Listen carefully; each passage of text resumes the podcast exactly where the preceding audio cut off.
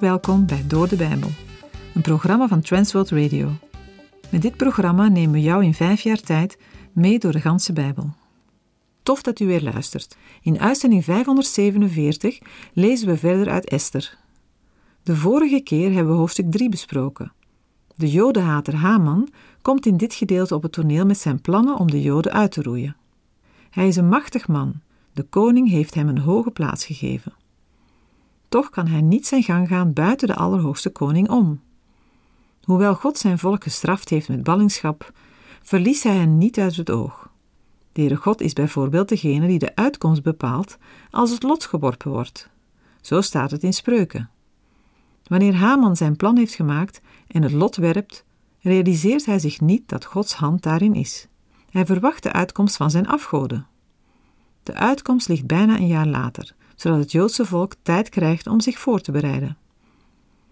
Haman legt zijn plannen aan de koning voor, maar verdraait de waarheid. Hij stelt het Joodse volk voor als een gevaar voor het Rijk, omdat zij afgezonderd leven en de Heere God dienen.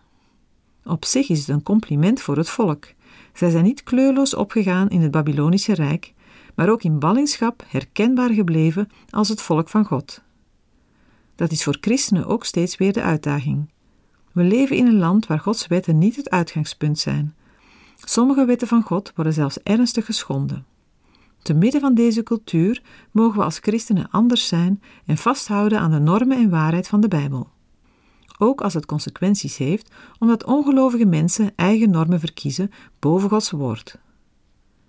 Mordechai boog niet voor Haman en mede hierdoor zien we de ergernis van Haman uitgroeien tot een geweldige haat voor de Joden. Hoe anders dan de wereld durven wij zijn? Mordechai staat in deze omstandigheden als vertegenwoordiger voor Gods volk en onderneemt actie.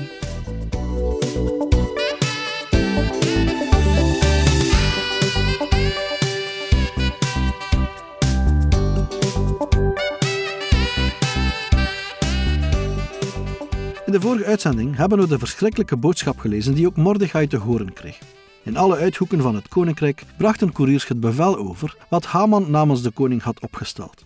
Alle Joden, jong en oud, vrouwen en kinderen, moeten worden gedood op de dertiende dag van de twaalfde maand van het volgende jaar. Hun bezittingen mogen in beslag worden genomen. Esther 4, vers 3. En overal in elk gewest en in elke plaats waar het bevel van de koning en zijn wet was aangekomen, was er grote rouw bij de Joden. Met vasten, gewenen rouwklaag. Velen lagen in zak en as. Dit vers maakt duidelijk hoe nauw Mordechai verbonden is met zijn Joodse landgenoten. Overal reageren de Joden op dezelfde manier als hem. Het intense verdriet wordt uitvoerig beschreven. Ook al vinden we in deze versen geen expliciete verwijzing naar een godsdienstige motivatie, het vasten kan wel als godsdienstige handeling gezien worden, als een vorm van gebed.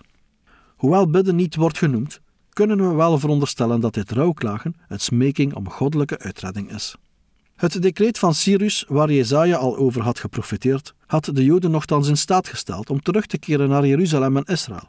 Maar dat hadden deze Joden niet gedaan. Hadden zij de Heere vergeten? Wat was er nog over van hun Joodse identiteit en vertrouwen op de God van Israël? Velen zullen gedacht hebben dat dit het einde en hun ondergang was. Maar dan hebben zij niet gerekend met de Heere. Hij geeft het werk dat hij begon niet op en hij vergeet geen enkele belofte die hij heeft gegeven. Esther 4 vers 4 toen kwamen de dienaressen van Esther en haar hovelingen en zij vertaalden het haar. En de koningin was zeer ontdaan. En zij stuurde kleren om die Mordechai aan te trekken en zijn rouwgewaad af te leggen. Maar hij nam ze niet aan. We zagen het al in de vorige uitzending. Toen Mordechai hoorde wat er was gebeurd, scheurde hij zijn kleren, kleedde zich in een zak en strooide as op zijn hoofd als teken van rouw. Zo liep hij door de stad. Voor de paleispoort bleef hij staan want het was verboden in rouwkleding het paleis binnen te gaan. Mordechai's optreden was enerzijds een uiting van verdriet, maar ook een manier om met Esther in contact te komen. Want terwijl Mordechai en alle Joden in diepe rouw gedompeld zijn, leeft zij afgeschermd in het paleis en weet van niets. Wanneer Esther's dienaressen en hovelingen horen van Mordechai's rouwgedrag, vertellen zij dat aan Esther. Als zij dit doen omdat zij weten van de familierelatie tussen beiden, kan daardoor Esther's Joodse identiteit uitlekken want Mordechai rouwt als Jood. Esther is ondertussen vijf jaar met Ahasveros gehuwd, maar haar genegenheid voor Mordechai is nog steeds groot. Esther stuurt Mordechai andere kleren om zijn rouwkleding te verwisselen. misschien met de bedoeling om hem in staat te stellen het paleis binnen te komen. Maar Mordechai weigert de kleren aan te trekken. Deze afwijzing moet niet als onbeleefd gezien worden, maar is bedoeld om Esther te dwingen verdere navraag te doen. Esther 4, vers 5. Toen riep Esther Hatach, een van de hovelingen van de koning, die hij voor haar had aangesteld. En zij gaf hem opdracht aangaande Mordechai om te weten te komen wat dit toch was en waarom hij dit deed. Het is opvallend dat Esther niet meteen vraagt waarom Mordechai in zware rouw is. Pas na zijn weigering van de aangeboden kleren vraagt Esther naar de reden van zijn gedrag. Zij doet dat door bemiddeling van een van haar persoonlijke hovelingen Hatach, een bediende die door Ahasveros zelf tot haar beschikking was gesteld. Hatach bewijst een integer man te zijn, in wie Esther vertrouwen kan stellen. Het leven binnen de paleismuren blijkt een geïsoleerd leven te zijn. Esther weet niet wat zich buiten de muren van het paleis afspeelt. Esther 4, versen 6 tot en met 9. Toen Hatach naar Mordechai ging, naar het stadsplein dat voor de poort van de koning ligt, vertelde Mordechai hem alles wat hem was overkomen en de bijzonderheden van het zilver dat Haman had gezegd te zullen afwegen voor de schatkist van de koning, voor het ombrengen van de Joden. En hij gaf hem een afschrift van de tekst van de wet die was uitgevaardigd in Susan, om hen weg te vagen.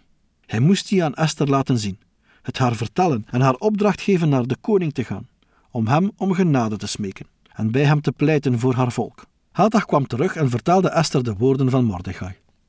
Mordechai vertelt Hatach alles wat hem is overkomen. Het lijkt in eerste instantie alleen over hemzelf te gaan. Maar daar blijft het niet bij. Er volgt meer. Hij vertelt Hatach over zijn conflict met Haman als aanleiding op de aangekondigde uitroeiing van de Joden in Perzië. Mordechai blijkt van alles wat gebeurd is op de hoogte te zijn.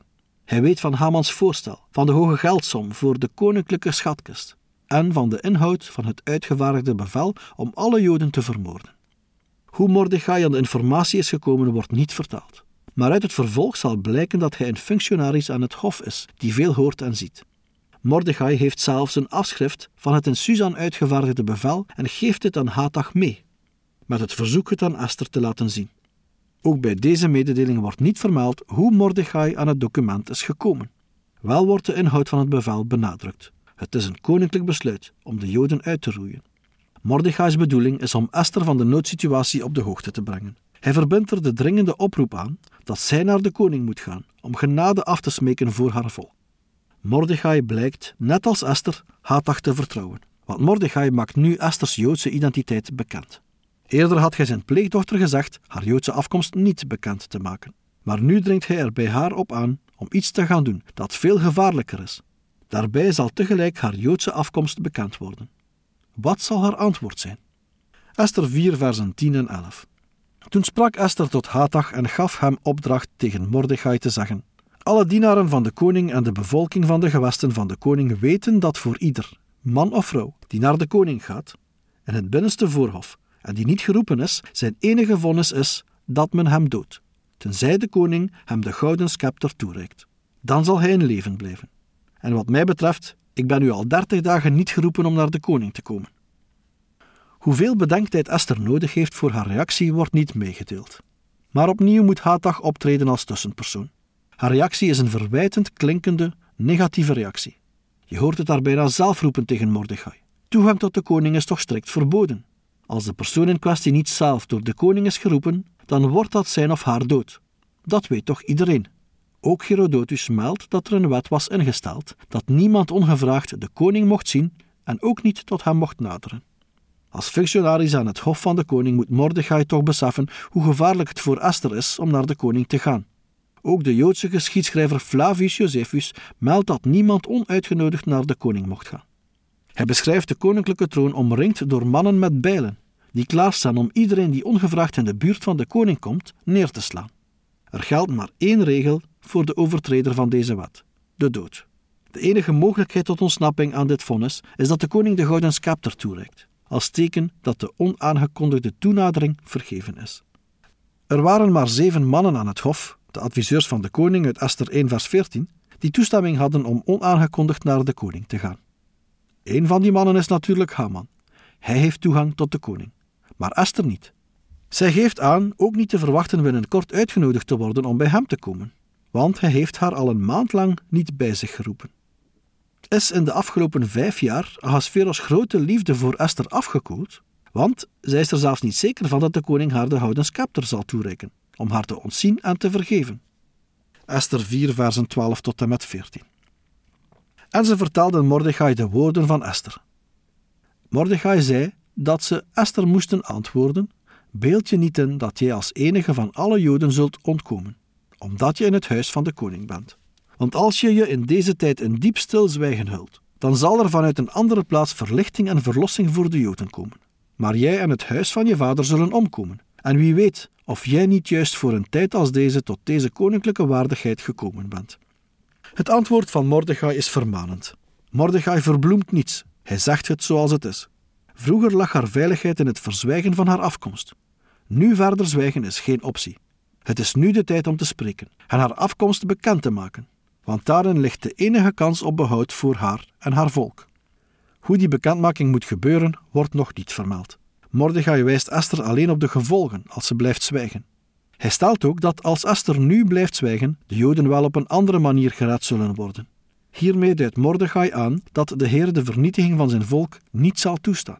Hierin ligt een niet uitgesproken, maar voor een Jodin goed te begrijpen verwijzing naar Gods aanwezigheid en zijn macht om te verlossen. In dit verband vinden we met betrekking tot de geschiedenis van Esther opvallende parallellen in het Oude Testament. Als eerste wil ik er een noemen met de geschiedenis van Mozes. Als Joden konden Mozes en Esther terecht aan een heidens hof, genieten er luxe en worden op een bepaald moment genoodzaakt zich met hun eigen volk te identificeren en de confrontatie met de koning aan te gaan. Beiden zijn eerst terughoudend en willen niet, maar nemen daarna toch een moedig besluit om zich in te zetten voor hun eigen volk. Een tweede parallel vinden we in Joel 2, versen 12 tot en met 14, waar met gelijkaardige woorden de profeet zijn hoop op Gods uitredding verwoordt. Daar staat: Ook nu echter spreekt de Heer: Bekeer u tot mij met heel uw hart, namelijk met vasten, met geween en met rouwklacht. En scheur uw hart en niet uw kleren. Bekeer u tot de Heer, uw God, want Hij is genadig en barmhartig, geduldig en rijk aan goedertierenheid, en Hij heeft berouw over het kwaad. Wie weet zal hij zich omkeren en berouw hebben, zodat hij een zegen achter zich overlaat. Een graanoffer en een plengoffer voor de Heere, uw God. Terug naar het verhaal van Esther. Mordechai wijst, in de vorm van een retorische vraag, naar de leiding en voorzienigheid van de Heere. Hij moet begrepen hebben dat de bevrijding alleen van de Heere kan komen, omdat hij weet dat de Heere, de God van Israël, beloften aan Abraham heeft gegeven. Maar de ontwikkelingen in de geschiedenis van Esther laten ons ook steeds beter zien dat de Heer met zijn voorzienigheid de zaken in de wereld regelt. Het wordt steeds duidelijker dat Esther niet per ongeluk of toevallig in het paleis terecht is gekomen. Zij is er gekomen met een speciale bedoeling. De Heer weet wat er gaat gebeuren. Dat is ook voor ons een bemoediging. Ook vandaag mogen wij op zijn leiding vertrouwen. Esther 4, versen 15 tot en met 17. Toen zei Esther dat men Mordechai moest antwoorden: Ga, verzamel alle Joden die zich in Susan bevinden, en vast voor mij. Eet niet en drink niet, drie dagen lang, nacht en dag. Ook ik zelf zal zo vasten, samen met mijn dienaressen, en dan zal ik naar de koning gaan, wat niet overeenkomstig de wet is. Als ik dan omkom, dan kom ik om. Toen ging Mordechai weg en hij deed overeenkomstig alles wat Esther hem had opgedragen. De reactie van Esther houdt in dat zij de dringende oproep van Mordechai om naar de koning te gaan accepteert als haar plicht. Esther beslist haar unieke positie binnen de paleismuren te gebruiken. Zij geeft Mordechai een opdracht. Ze vraagt alle Joden voor haar te vasten, drie dagen. Het vasten moet haar ontmoeting met de koning voorbereiden, want Esther is zich goed bewust van de mogelijke gevolgen. Zij weet dat het een risicovolle onderneming is, waarbij zij de steun van de hele Joodse gemeenschap nodig heeft. Met het vasten wordt ook het gebed tot de Heer bedoeld. Beide zaken gaan in het Oude Testament vaak samen. In Esther's beslissing komen belangrijke aspecten van haar persoonlijkheid naar voren. Esther stelt zich nederig en afhankelijk op. Haar persoonlijke belangen zijn ondergeschikt aan die van de Joodse gemeenschap. Zij toont veel moed, identificeert zich met haar eigen volk en toont vastberadenheid. Uit haar reactie blijkt een innerlijke ontwikkeling. Was zij vroeger overwegend passief, nu is zij een moedige vrouw met initiatief en een duidelijk plan. In het begin van het Bijbelboek Esther heeft Esther steeds bevelen van Mordechai gehoorzaamd. Hoofdstuk 4 eindigt met bevelen die Esther aan Mordechai geeft.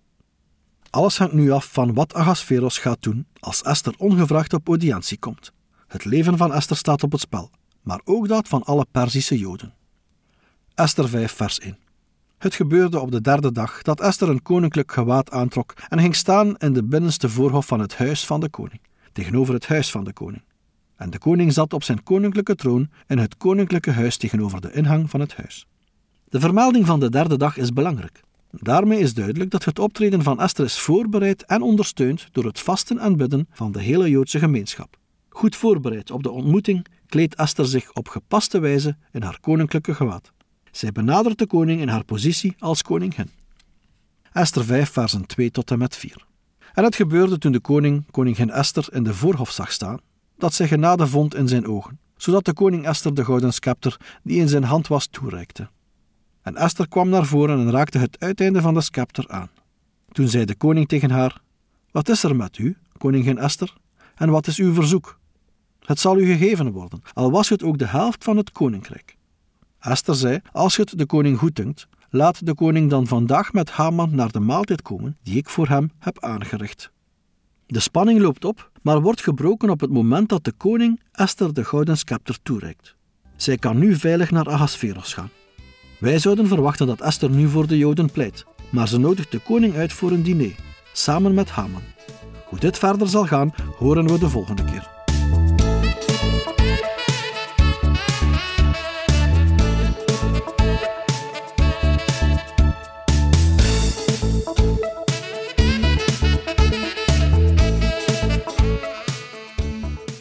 U heeft geluisterd naar Door de Bijbel, een programma waarin we in vijf jaar tijd de ganse Bijbel bespreken.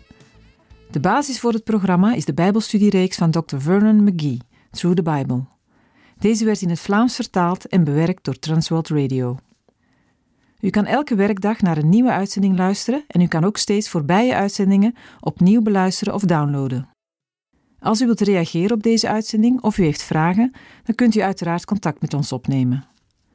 U kan een e-mail sturen naar doordebijbel.twr.be. Verder kan u op onze site terecht, www.twr.be, voor meer info en het beluisteren van onze overige programma's. Dit programma werd gepresenteerd door Patrick Couchement en Anne Notenboom. Wij danken u voor het luisteren en graag tot een volgende keer.